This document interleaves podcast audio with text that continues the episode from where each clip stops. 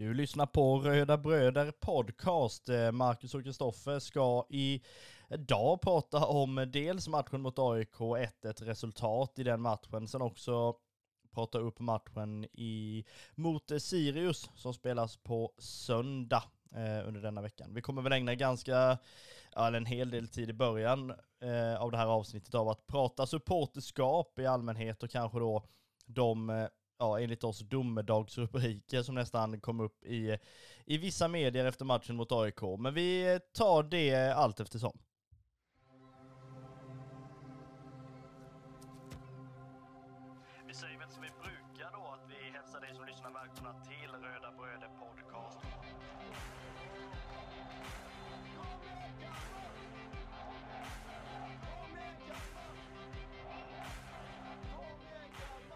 Tre bröder som eh, driver en podcast som heter Röda Bröder Podcast.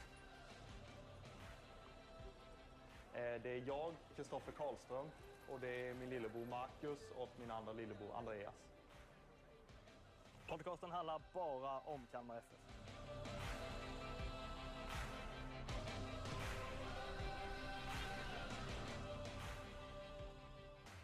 Jajamän, vi sitter här en eh, tisdag lunchtid ungefär. Det pratas ju om att den här sommaren har varit den varmaste på väldigt många år och då har vi haft ösregn i, i alla fall i staden där jag sitter under väldigt många dagar. Eh, men eh, värme vet jag inte om vi kan prata att det var i matchen mot eh, AIK under, under söndagen heller. Det enda som värmde var väl egentligen publiksiffran. Ja, så, så kan man ju sammanfatta det. Och även om alla inte alla som hade köpt biljett inte var på plats så, så var det ändå ett, ett, eh, ett fint publikhav man kunde titta ut över alltså på, på arenan. Så nej, det, det, var, det var trevligt. Ja, nej men alltså man, man blir väl ändå all, alltid glad när det är mycket folk. Det, det som, ja vad ska jag säga, det som man alltid kan, kan bli lite orolig för när det är alltså mycket biljetter sålda och sånt här, det är ju Alltså om det väl börjar regna eller dåligt väder, ja men då vet vi ju att i alla fall tusentalet inte går. Liksom. De kastar ju fullständigt de pengarna i sjön i, i min mening. Men vi visste ju i den här matchen mot AIK att det kommer bli mycket folk, kommer bli tryck, kommer ja, dels vara mycket bortapublik. Jag tror man räknade in nästan 2000 AIK-are. Och sen då men väldigt välfylld eh, ståplats för, för Kalmar FF då. Och jag vet inte vad, vad det egentligen som, ja, som, som man tar med sig från den här matchen. Jag försöker hitta någon, någonting litet i det. Um, men alltså jag, jag hittar egentligen ingenting särskilt att, att ta med sig mer än att ja, an, antingen så ger vi bort alltså två poäng så att vi får en poäng eller så har vi bara tur med tanke på det jättetrycket AIK kan skapa i, i andra halvlek. Alltså jag, jag vet inte om man ska vara nöjd eller besviken. Ja, någonting jag inte är besviken över det är väl att eh, vi klev ut och var förvånansvärt pigga i första halvlek. Jag trodde att eh, de här res, resdagarna och dygnen skulle sitta betydligt mer i benen än vad de gjorde inledningsvis. Så att, eh, nej, det var en, en positiv överraskning att, vi, att vi var så pass pigga som, som vi var. Och det var ett, ett högt tempo, bolltempo och i löpningar. Och, och Det var ju lite så att Alltså de spelarna, speciellt offensivt, som var satta i startelvan var ju tänkta för att ja, alltså här ska det bli åka av oavsett om vi har rest eller inte. Så de spelarna ja, skulle fara fram på kanterna.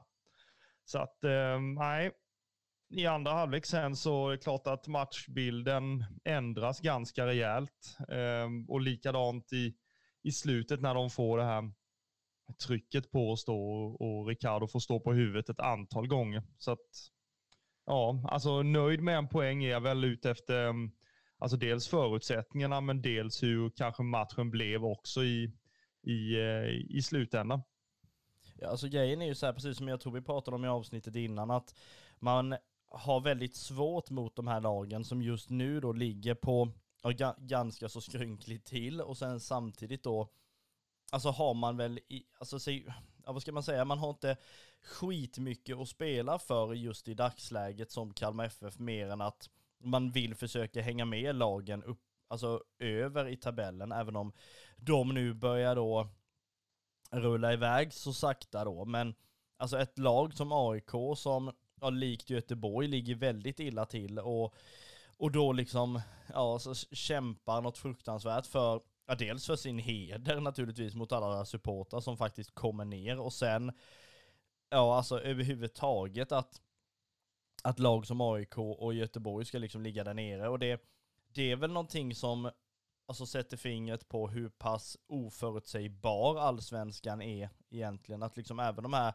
stora drakarna kan misslyckas och det är väl på något sätt som Ja, det, det är väl egentligen det som gör att man, man älskar den här serien så mycket som man gör. Um, eller sådär. Men bara för att återkomma till det, det vi började prata om lite så här att vi, vi kommer ut väldigt bra. Alltså konstigt nog så brukar det vara, vi har sagt innan i den här podden att det är två ansikten ofta på Kalmar FF i de här i, i, under den här säsongen då. Antingen så kommer man ut i, i jättebra i första halvlek och sen eh, klappar man ihop det andra eller så liksom är det, det tvärtom oftast. I alla fall så ser det ut så. Man är inte alltså, jättesolida under hela matchen utan det blir antingen någon form av individuellt misstag eller att man till synes är ganska nöjd om man nu går in i halvtid med, med en ledning. Eh, sen, eh, ja, jag vet, jag vet, inte riktigt. Jag tycker väl att vi lyckas få ett 1-0 mål ändå när AIK faktiskt visar sig vara pigga också. De kommer ju inte så långt i det offensiva spelet men att de kommer runt på kanterna. Otieno är ju en jättespelare liksom, som är alltså, hatad att möta fullständigt. Och det, det förstår man ju liksom. Det är ju en spelare som både har snabbheten och sen en jätteteknik samtidigt som han springer, liksom, vilket inte är särskilt vanligt. Men att gå in i halvtid med 1-0, man har ändå haft en bra period och liksom AIK har inte fått ut så mycket egentligen ehm, emot vad man vill då. Och då då var det väldigt skönt när man kom in i halvtid och kände att vi, vi kanske har det här. Liksom. Um, eller sådär. För första halvlek, som, som du sa, vi kommer ju ut väldigt pikt. Ja det gör vi ju, men sen så, så blir det ju någon, någon form av ställningskrig tycker jag på, i den första halvleken också. En, en kamp på mittfältet, det, det kunde man ju nästan ana på, på förhand med, eh, vad ska jag säga, eh, ja, Alltså AIK är tunga att möta i allmänhet. Liksom. Sen vet man att eh, Bilal Hussein, han, han är ju duktig i det spelet eh, emellan alltså lagdelarna. Sådär. Eh, nu var han ju satt som till alla AIK-arnas förvåning som högytter i en 4-4-2-uppställning där han kanske inte har varit innan eller kanske inte har sina huvudsakliga kvaliteter. Men kollade man under matchens gång sen så tycker jag att han alltså de hade ett ganska mm, fint rörelsemönster ändå och även alltså kom in emellan vår yta mellan mittfält och, och backlinje och där, där är det liksom en till två passningar, sen är de kanske förbi och lite ett sånt ställningskrig tyckte jag det, det blev i alla fall i en bit in i första halvlek. Sen, sen tycker jag att vi är, vi är bra i, i det spelet också. Att, eh, jag tycker duellspelet var betydligt bättre eh, och där tycker jag att eh, eh, Kevin Jensen som, som får starta för första gången i år och eh, det var jättespännande att, att, få se honom, dels från start men dels att liksom få spela i liksom den positionen han, han vill göra som vänsteranfallare då eh, och vara duktig i i duellspelet mot eh, Tykosen som är AIKs högerback. Då. Eh, det var väldigt mycket dueller i, i första halvlek där Kevin står upp verkligen och, och hjälper David Olafsson då på, på den kanten. Ja, nej men verkligen. Och det, det är väl roligt för alltså Kevin Jensen. Vi pratade med honom efter matchen och eh, ni kommer kunna se den intervjun på eh, vår YouTube-kanal om ni går in på YouTube och söker på Röda Bröder. Där hittar ni också vår läktarfilm Eh, där vi filmar. Vi försöker de matcherna som vi har möjlighet till det, eh, logistikmässigt och så vidare, att ja, men, eh, försöka fånga den stämningen vi ändå kan, eh, kan skapa eh, på Guldfågeln. Så att eh, gå in där och kolla så hittar ni bra material eh, som det heter. Men för att komma tillbaka till Kevin Jensen, kul med start, eh, gör det ju bra. Alltså det, det, är ju inte så att det är någon i Kalmar FFs trupp nu som är, alltså när man känner att de startar bara i klappkass, det är inte det. Men det är väl skönt för, för liksom han att få starta för det första. Och sen för det andra, att vi nu har väldigt många kort att spela, har jag liksom börjat känna. Dels har vi Hymmet, vi har Shamoun, båda börjar på bänken i den här matchen. Vi har Trenskov nu och vi har Jensen som kan gå in och starta också. Vi har alltså en uppsjö med offensiva spelare. Vilket liksom, ja alltså vi, nu gör ju inte alla supermånga poäng, det är inte det jag vill komma fram till och det är väl egentligen det som är huvudsaken när man är en offensiv spelare, att man ska bidra med poäng. Men jag säger bara att vi har ju folk att välja på, alltså ett mindre lyxproblem eh, på det sättet. Ja, och, och då har vi kanske glömt att nämna Sarko Ylletup också som inte fick en, en minut i matchen mot AIK. Det är inte alls många minuter han har fått denna säsongen. Ehm, och jag menar, alltså, det är ju en väldigt märklig situation kan man tycka för att han, han kom ju hit som någon form av eh, ersättare till Filip Sakpekidis eh, och sen eh, var liksom bäst i GIF Sundsvall året innan man vet att eh, han är duktig en mot en, bra speed. Alltså lite sådär mm, skrabb, Jonathan Ring, alltså aktig kan göra det oväntat offensivt, men vi har ju liksom inte fått se ett skit av det rent ut sagt och, och vad det beror på. Alltså det kan ju bara tränarna svara på egentligen. Eh, sen kan jag väl tycka att om jag ska komma med en liten såg här till eh, jag vet inte om det är svensk fotboll i, i allmänhet, men eh, när det gäller U21-serier och alltså reservlag så kan man ju ha åsikter kring alltså den uppdelningen som är idag. De spelar typ en match varannan månad eller något sånt där, känns det som. Så att jag menar, det är ju inte så att de spelarna som, som sitter på bänken match ut och match in och inte tillhör U19, alltså de får ju ingen matchning överhuvudtaget och det är ju det de ska ha i i U21-matcherna.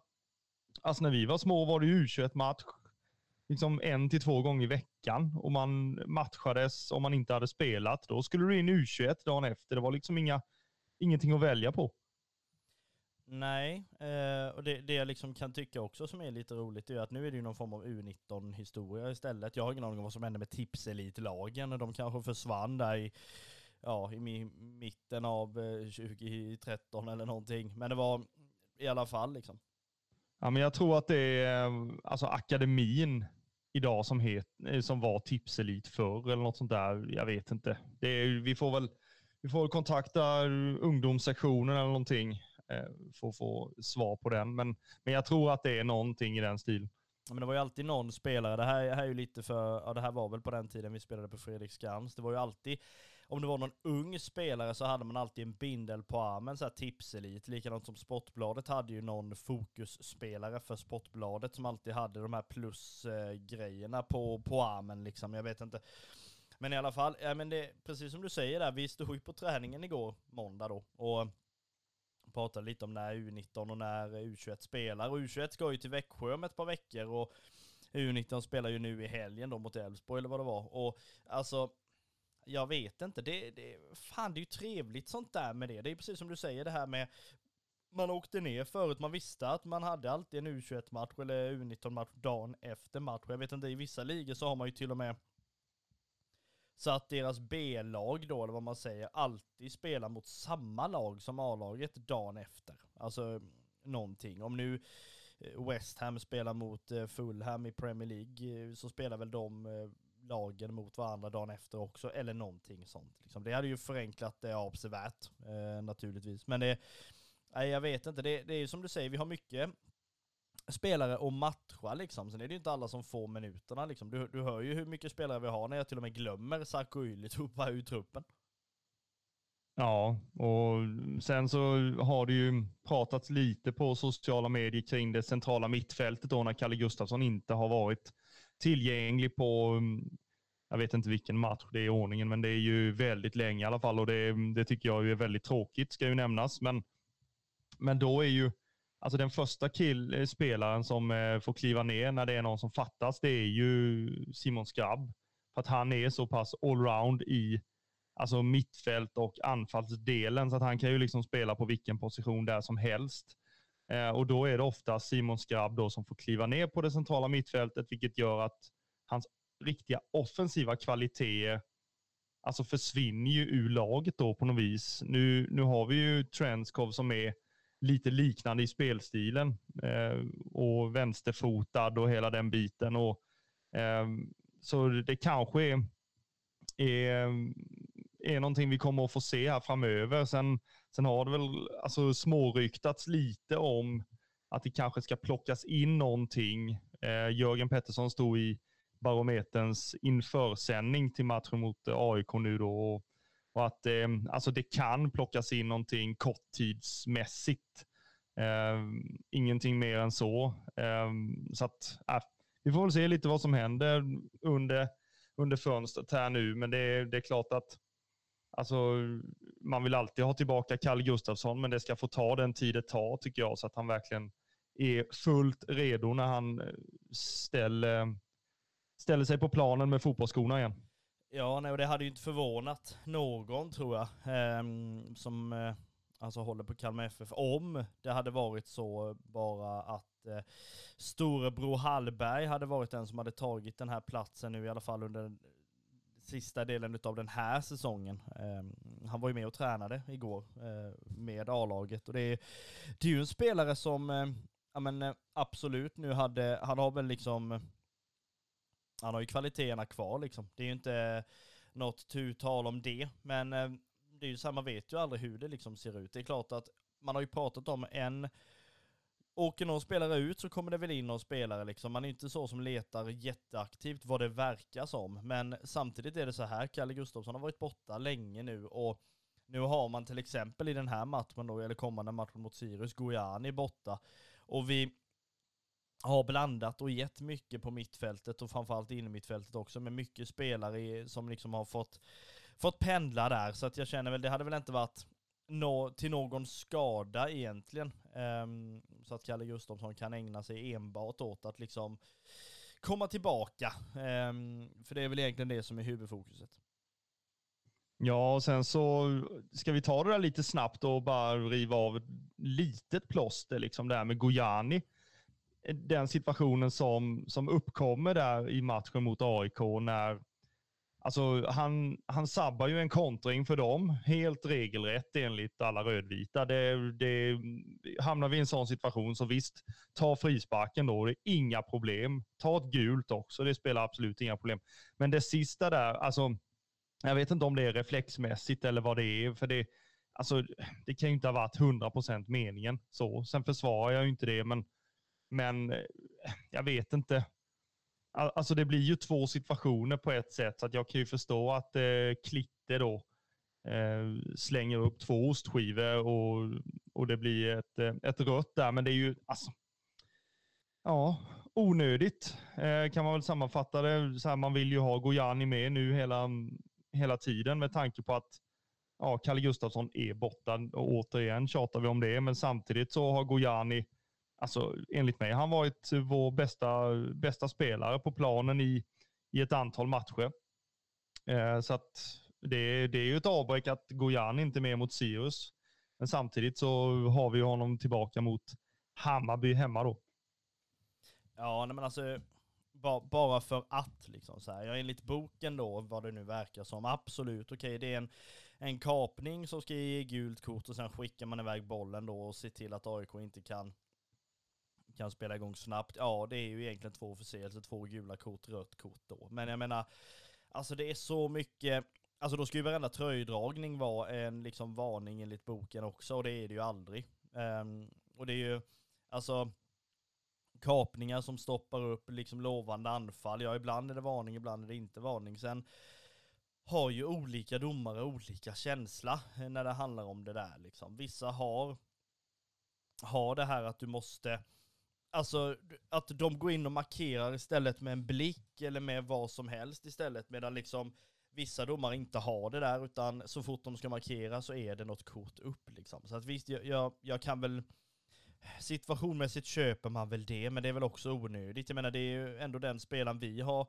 pratat som en av de bästa spelarna vi har haft under de senaste omgångarna. Så att jag menar, vem fan att han ska vara borta till Sirius. Alltså sen vill jag ju inte dra det här jättelångt och flera varv. Det är inte det som är huvudpoängen, men alltså man har ju sett andra spelare i denna omgången i andra lag som eh, tar upp bollen och går en 3-4 meter när man har orsakat en frispark. Jag menar, är inte det lika mycket spelförstörande som att man skickar iväg den tre meter? Eller är jag helt fel på det då? För nu, nu får man ju hänga någon AIK-spelare här givetvis. Och det är ju, det är ju Otieno. Alltså han, han orsakar en frispark i första halvlek, tar upp bollen, går 3-4 meter i lugn och fin takt och det är liksom ingen som, ingen som klagar alls egentligen när det gäller varken domarteam eller ja, hans medspelare klagar väl absolut inte. Men, ehm, och, och släpper väl bollen alltså till slut. Men det är ju inte, alltså det är ju lika lång tid som Gojani skickar iväg bollen. Nu är jag ju jättefärgad här, men, men eh, förstår du vad jag menar eller? Ja, nej, men alltså det, och det är väl också så här, jag tänker när du pratar om andra matcher, men då är det andra domare, så kan vi ju lämna det där här då. Men alltså ja, alltså det, det är ju som det är. Jag kan väl också tycka det att, jag menar, det står 1-1. Det hade väl ändå varit skillnad om nu Kalmar hade eh, alltså, haft ledningen med 2-1 och man har ett riktigt syfte att toffla iväg bollen då för att de inte ska kunna starta upp någonting. Det är ju en sak, men här blir det ju bara liksom en, en reaktion på att man är trött och frustrerad och känner att fan kan vi, kan vi blåsa av snart liksom. Så att jag menar visst, ja, det finns väl flera. Jag tror hade det varit Alltså det är ju inte så att det är tio gånger av tio det där resulterar i två gula i alla fall.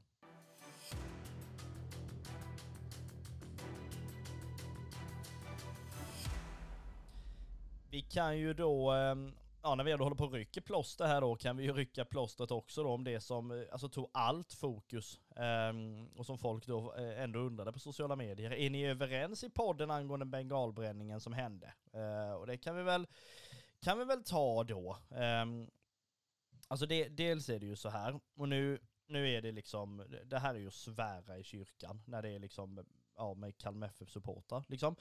Det är, det är så delat det här. Eh, liksom, och jag, jag, jag ska inte redogöra för hur mycket som helst angående bengaler heller, men alltså det är så delat. Vissa anser att det är en stämningshöjare. Vissa anser att det bara är ett jävla otyg, liksom. Och, och sådär.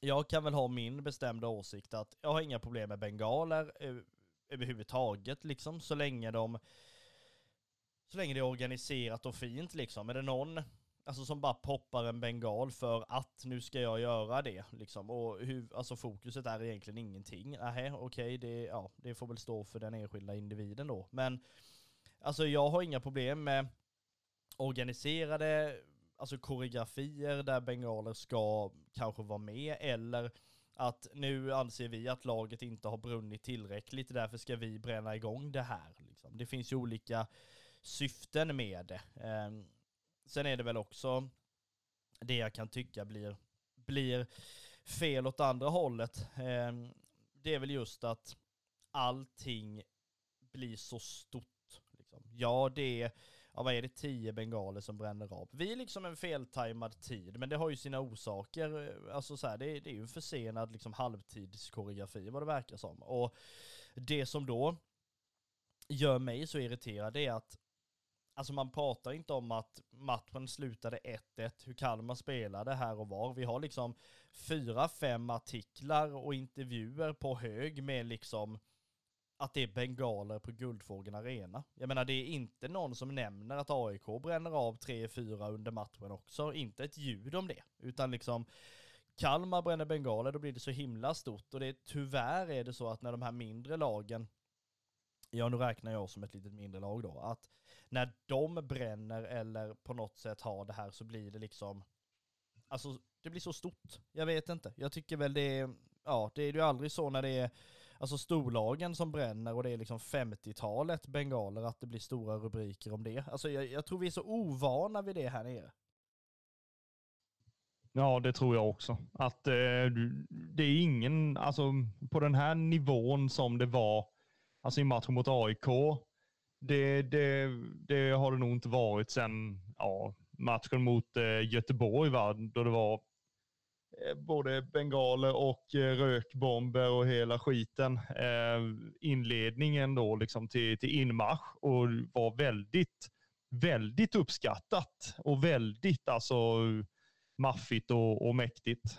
Nu var det ju här, alltså det här har ju folk sagt i i två dygn. Eh, och jag tror nästan att eh, folk egentligen menar samma sak, bara det att man missförstår varandra och sen helt plötsligt så börjar man och, och alltså det är ju bara ren skit alltså. Man kastar på varandra för det här och en del menar att ah, men vi tappar två poäng på grund av det här och det är ert fel och det är det här, de här människorna ska inte få vistas på en fotbollsarena överhuvudtaget och, och det är, alltså allting bara liksom kastas mot, mot ståplats, men inte ett ord om att man i denna matchen, när det kommer ett storlag, alltså står upp i läktarkampen på så ett fint sätt som man gör.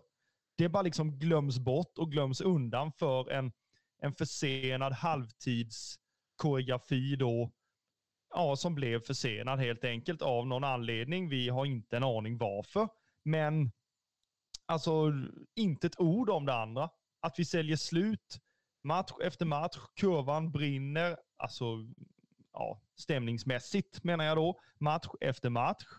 Eh, vi står upp mot storlagen som, som kommer hit och, och nästan har två etage.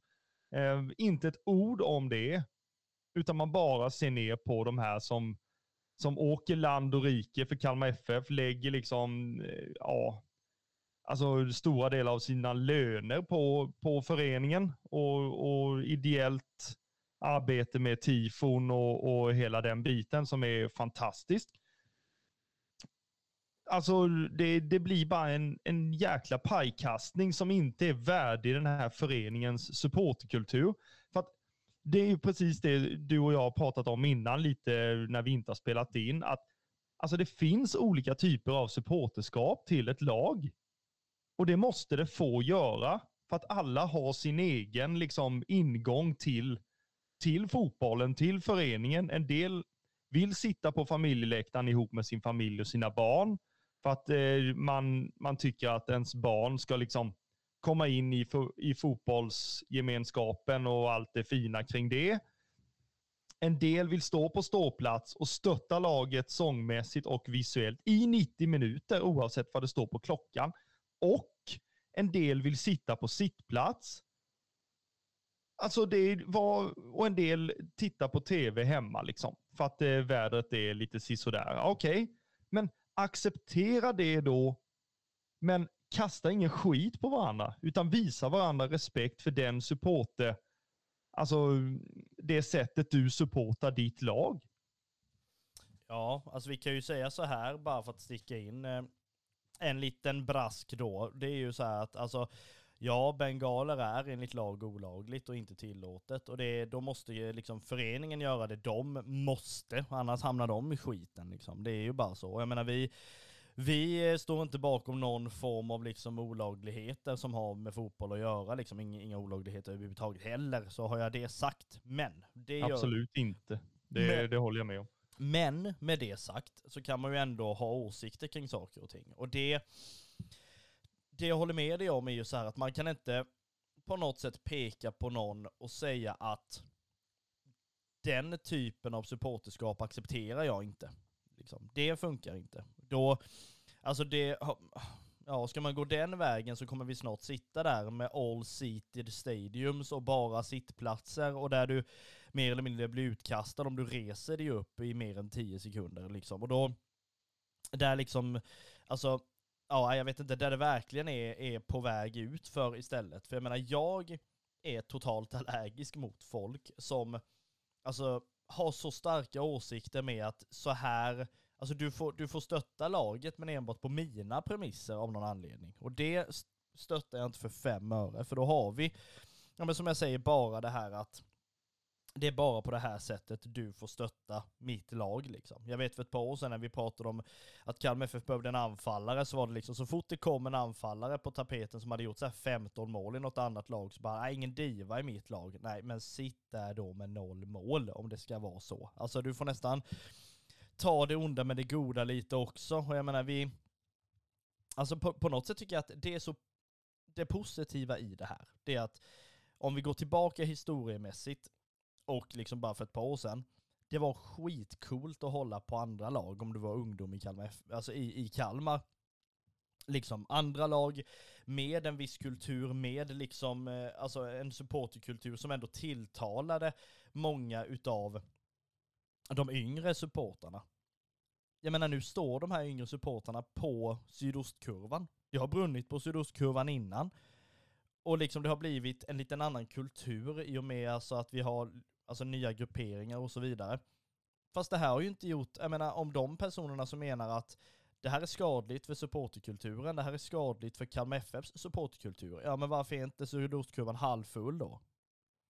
Om jag nu liksom ska dra det väldigt långt. Sen är det så här att de som påstår att bengaler inte är tifo, nej det finns pyrotifo med som faktiskt, tifo är liksom bara ett fenomen där du liksom hyllar ditt lag med olika läktare engagemang, eller arrangemang oavsett om det är halsdukar, bengaler, banderoller, flaggor, vad det än är liksom.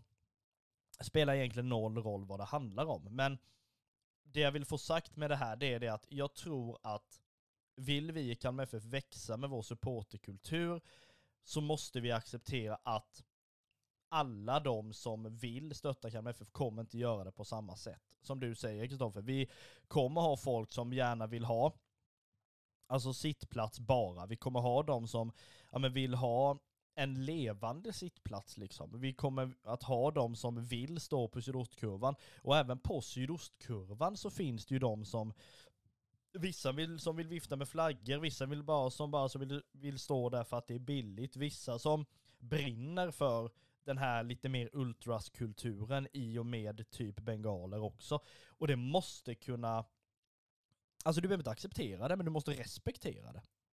Liksom. Det är inte så att du på något sätt som person kan säga att ja, jag supportar Kalmar FF på det här sättet och då ska resten också göra det. Då är vi liksom farligt ute. Eh, sen då som vi sa innan, man måste från föreningen då ta de här stegen liksom, oavsett vad man tycker om det liksom, och sådär. Men det jag, det jag kan tycka blir blir tråkigt, det är det att de minuterna som det brinner på sydostkurvan och det blir röd rök från sydostkurvan, det tar allt fokus från att vi faktiskt rider ut den stormen som AIK kommer med i andra halvlek. Um, så skrev jag ju någonting på Twitter där om att, ja, men, att nu Ricardo har lite diskhandskar på sig i den situationen det blir mål har inte någonting att göra med att det brinner på en kortsida en kvart tidigare. Liksom, och, och det får man ha olika åsikter om. Men jag tror att i det stora hela så måste vi alltså kunna liksom respektera att supporterskapet är olika beroende på. Liksom, vissa vill vara på en pubsamling, vissa vill bara cykla till arenan från, ja, hemifrån och liksom ja, alltså komma dit och bara vara där medan vissa vill göra det på ett annat sätt. Um, eller sådär. Men visst, det finns två läger. Um, och det var ju som någon skrev på Twitter som jag inte hade en aning om, liksom att för fem sex år sedan så totalbuades det på Eleda stadion när Malmös supportrar började bränna liksom. Och nu när det väl brinner där, vilket det gjorde i premiärmatchen, det var inte någon som sa någonting liksom, om det. Ehm, så att, eh, ja men vi är ovana vid det här liksom som är, och jag tror för vissa, vissa accepterade snabbare och vissa kom, kommer det ta längre tid för. Um, och det blir väl ett ställningskrig liksom sådär.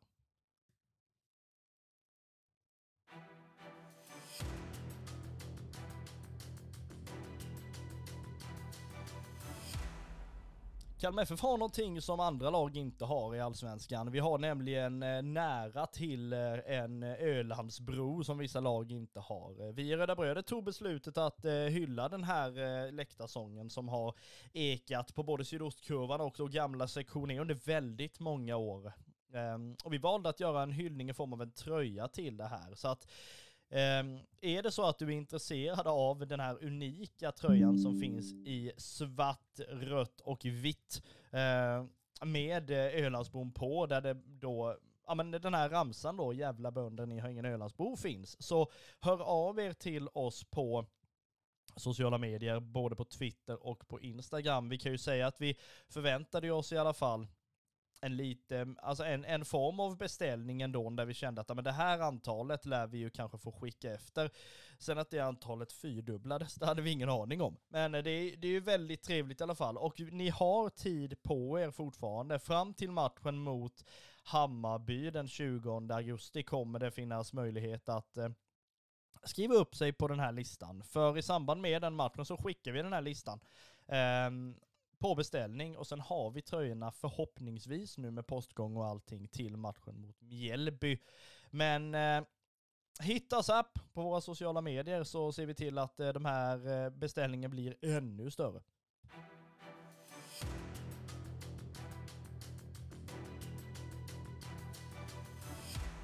Innan vi lämnar matchen mot AIK så eh, får vi väl egentligen prata igenom lite då. Vi pratade vår fokusspelare Romario i den här matchen som inte startade. Eh, först och främst. Eh, och sådär, kom väl ändå in sen och gjorde det på, ja, men på ett sätt som han, en, han, han ändå gör. Liksom. Det, det ser väl okej okay ut um, och sådär. Han som blev utvisad då med bara ett par minuter kvar, Robert Gojani, blev ju våran röda brödespelare.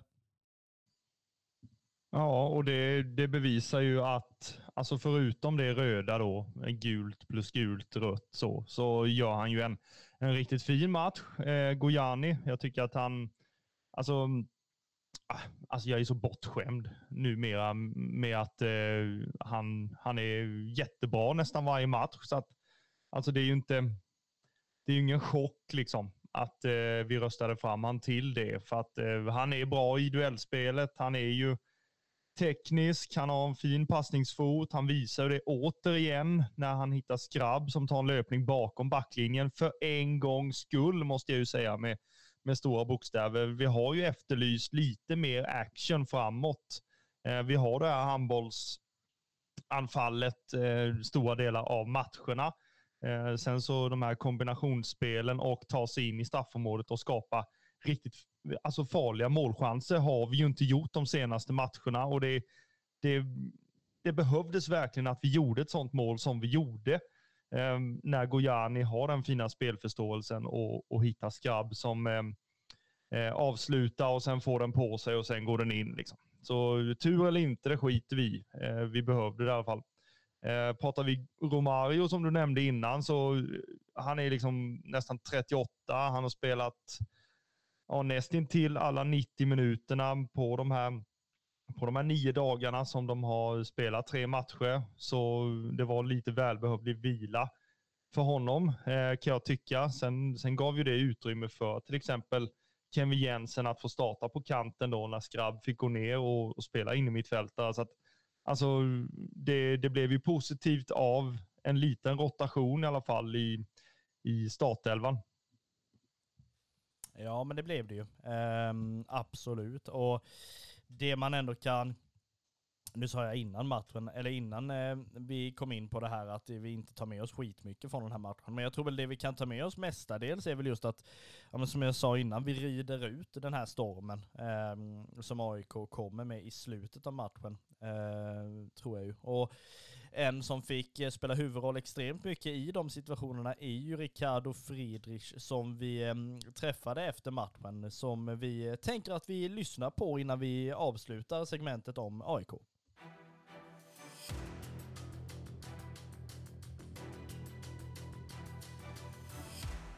Röda bröder på plats efter matchen mot AIK som slutar 1-1. Eh, vi står här med lagkapten Ricardo Friedrich. Dina tankar efter matchen?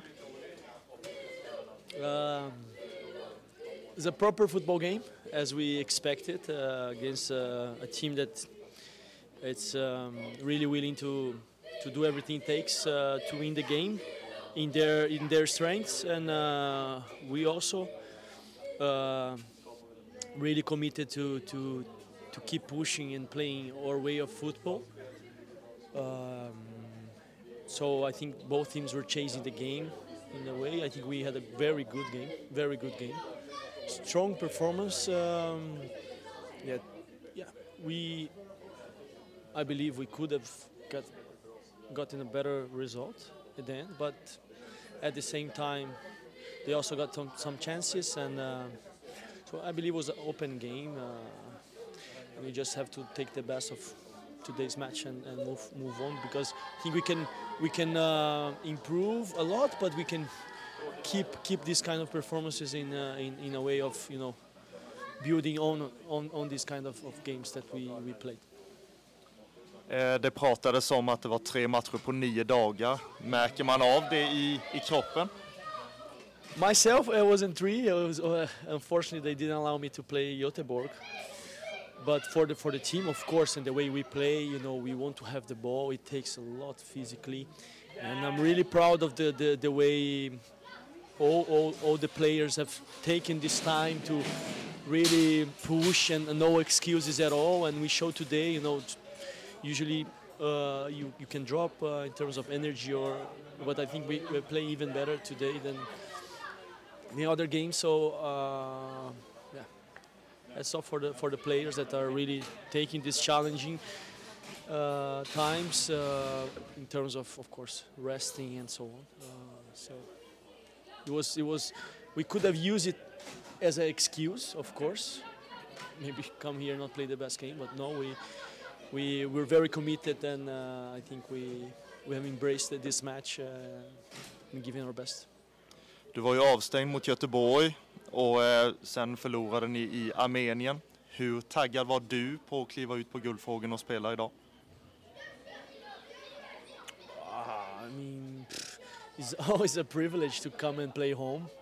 Uh, full, house today. Uh, our supporters were there uh, all the way, and pff, I mean, these kind of games are all the games you want to play, and looking forward to play these games. And this week we had really important games.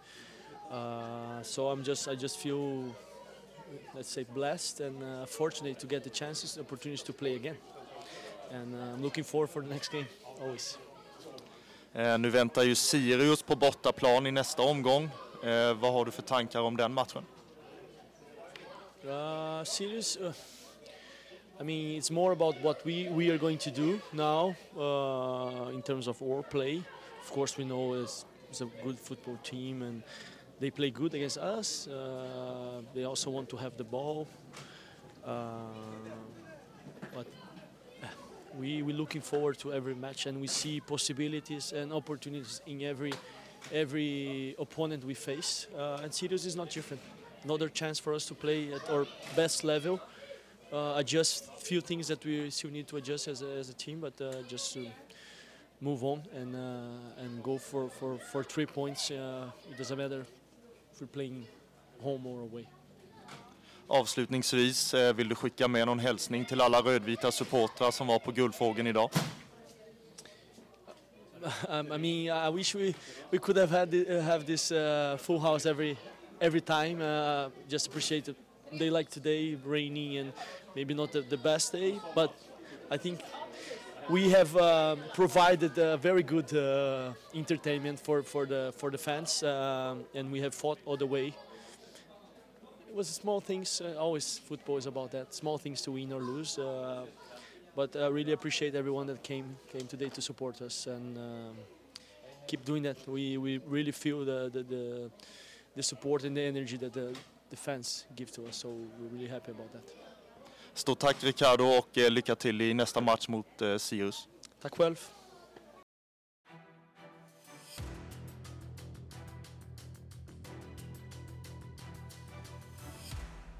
Vi lämnar det eh, svartgula laget och börjar istället prata upp kommande bortamatcher mot ett blåsvart lag istället, nämligen Sirius från Uppsala. Man spelar sina hemmamatcher på Studenternas eh, IP, eller vad det nu kallas, och som då fick nytt publikrekord i och med förra matchen mot eh, AIK. Man ligger på en trettonde plats med 17 inspelade poäng, men formen är ju inte charmerande. Nej, den är ju inte det. De har ju tre raka mm, förluster.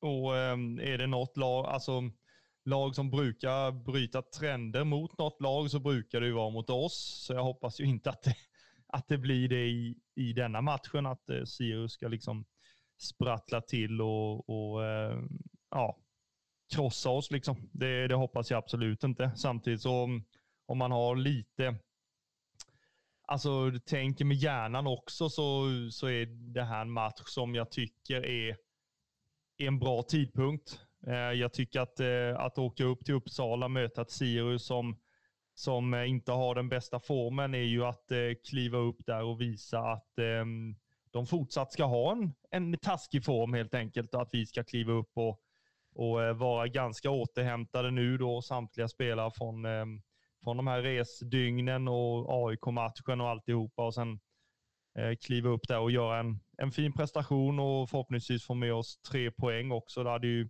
smakat fint i, i eh, spelarbussen och i supporterbussen.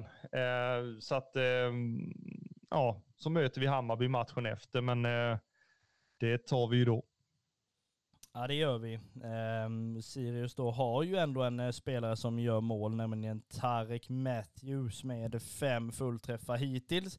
Um, är väl ändå en spelare som man kan lägga som fokusspelare i den här matchen. En spelare som ändå man får se upp med. Um, och det är väl inte jättekonstigt egentligen med tanke på att han, han står ändå för bra prestationer. fem mål är alltid fem mål uh, oav, oavsett uh, faktiskt. Sen ligger man ju på, man ligger ju inte särskilt bra till. Alltså det, det, känns som att vi bara möter lag som ligger liksom jobbigt till nu och det är väl inte bara, eh, inte bara positivt eh, kanske. Men, men om vi tänker oss eh, liksom den här matchen då, det kommer ju bli Alltså det kommer ju bli tufft för det första. Jag menar det finns ju ingen match i Allsvenskan som är enkel. Ehm, och det märkte vi ju i alla fall senast som vi mötte dem då på Guldfågeln när eh, Rajovic gjorde två mål men matchen slutade 2-2. Ehm, alltså det, nej, vi behöver en seger nu. Ja, och Sirius är ju, är ju duktiga i, i alltså passningsspelet, precis som vi. De är ju ett sånt eh, bollinnehavslag som vill styra matcherna och eh, alltså inte tycker om när de andra har bollen egentligen. Eh, Eh, så att jag antar väl att eh, Sirius kommer att, pressa oss högt eh, för att vi inte ska ha något utrymme helt enkelt. Och det är ju det som brukar passa oss rätt bra. Det är ju därför som vi, vi spelar ur AIKs press ett antal gånger alltså. Och de får vända på steken och, och löpa hemåt. Eh, och, och, det hoppas jag väl att vi kommer att, att kunna göra mot Sirius också. Eh, för jag menar Sirius på sin hemmaplan med tre raka förluster kommer ju antagligen att gå ut där som alltså grymt taggade. Liksom. Det, det går ju inte att, att förlora hur länge som helst. Och eh, för att liksom citera Nanne Bergstrand så är det ju, ja, ju fler förluster du har, desto närmare en seger kommer du. Och lite så får man väl, alltså får väl Sirius-supportrarna tänka då, kan jag tänka mig att eh, snart kommer det lossna. Och vi får ju se till att det inte händer mot, mot oss då ju. Och att vi går upp där och ja, spela vårt spel helt enkelt och se till att vi är lite, lite vassare i de avgörande lägena än vad vi har varit de, de senaste matcherna. Eh, och kanske skjuter lite mer, vad vet jag.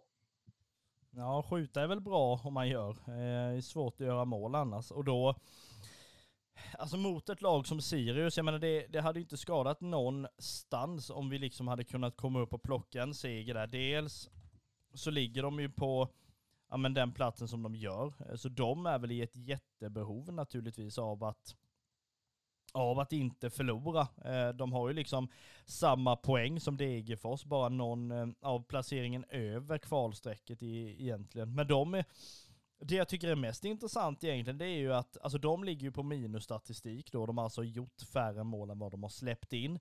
Men det har ju vi också gjort. Jag menar vi har gjort 21 mål men släppt in 24. Då ligger vi på sjätte plats. Jag menar hur ofta, hur ofta är det så? Ja, det är väl inte jätteofta. Eh, det vet jag inte om. Alltså nej, jag tror inte det är jätteofta som eh, lagen på den övre halvan har, har minusstatistik. Så att det finns väl all, all anledning att ändra på det i matchen mot Sirius kan jag tycka. Ja, verkligen. Vi, eh, gör väl som så att vi pratar lite kring eh, den resan som då går upp till Uppsala. Ni som vill åka med upp till Uppsala och se Sirius mot Kalmar FF eh, hör ju av er till de som eh, driver KFFSU, bland annat då Micke eller Joakim kan ni skicka till så ehm, löser det sig alldeles ypperligt.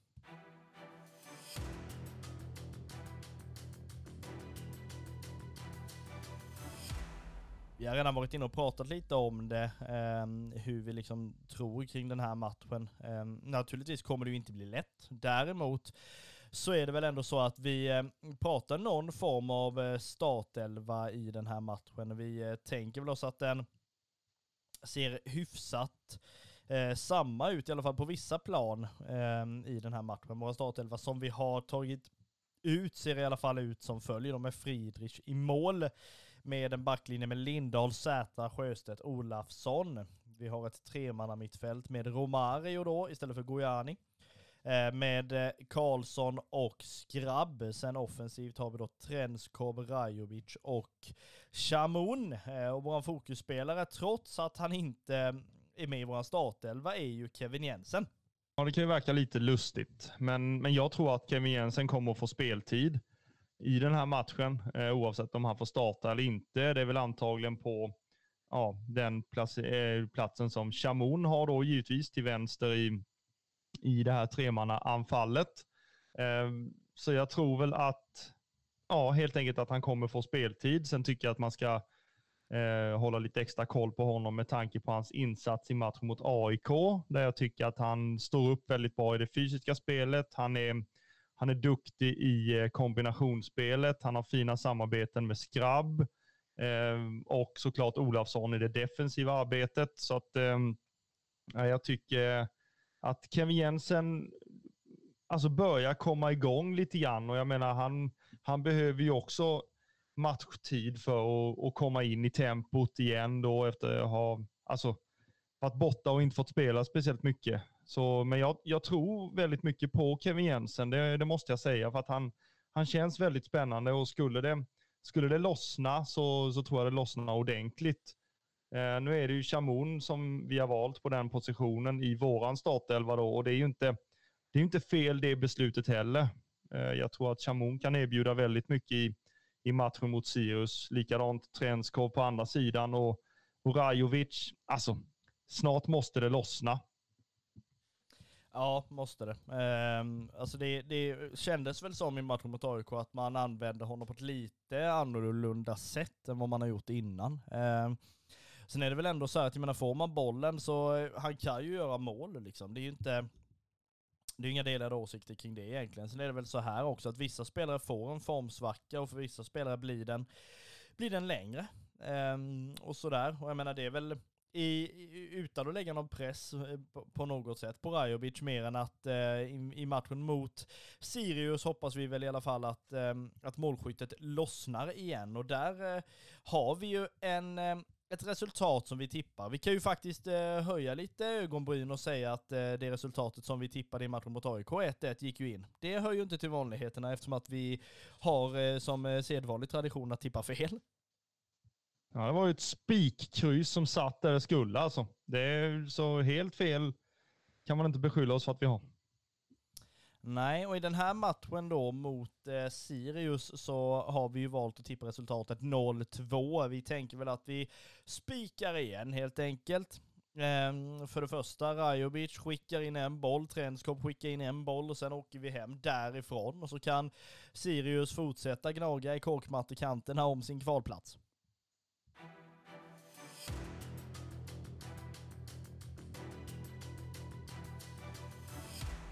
Vi sammanfattar väl eh, avsnitt som eh, heter 145 nu då med att Kalmar FF fick 1-1 mot AIK i senaste hemmamatchen i ösregnet framförallt. Eh, sydostkurvan brann både verbalt och visuellt i den här matchen och vi eh, har uppmanat alla som vill stötta laget på bortaplan att åka med KFFSU till Uppsala på söndag för att då stötta Kalmar FF mot Sirius. Vi är hittills i alla fall på en sjätte plats med, ja, med två poäng upp till eh, de vi närmast slåss emot IFK Norrköping. Vi eh, återkommer ju naturligtvis efter den här matchen mot Sirius med eh, tankar kring den matchen. Glöm heller inte att gå in på vår YouTube-kanal, kolla läktarfilmen från AIK, kolla intervjun med Kevin Jensen och hör av er till oss på sociala medier innan den 20 augusti för er chans att få ta del av den unika tröjan som hyllar eh, våran Ölandsbro Ramsa. Oavsett vad, eh, kära rödvita vänner, så är vi tillbaka efter matchen mot Sirius. Ni har lyssnat på Röda Bröder Podcast. Vi är supporterpodden till Smålands stolthet.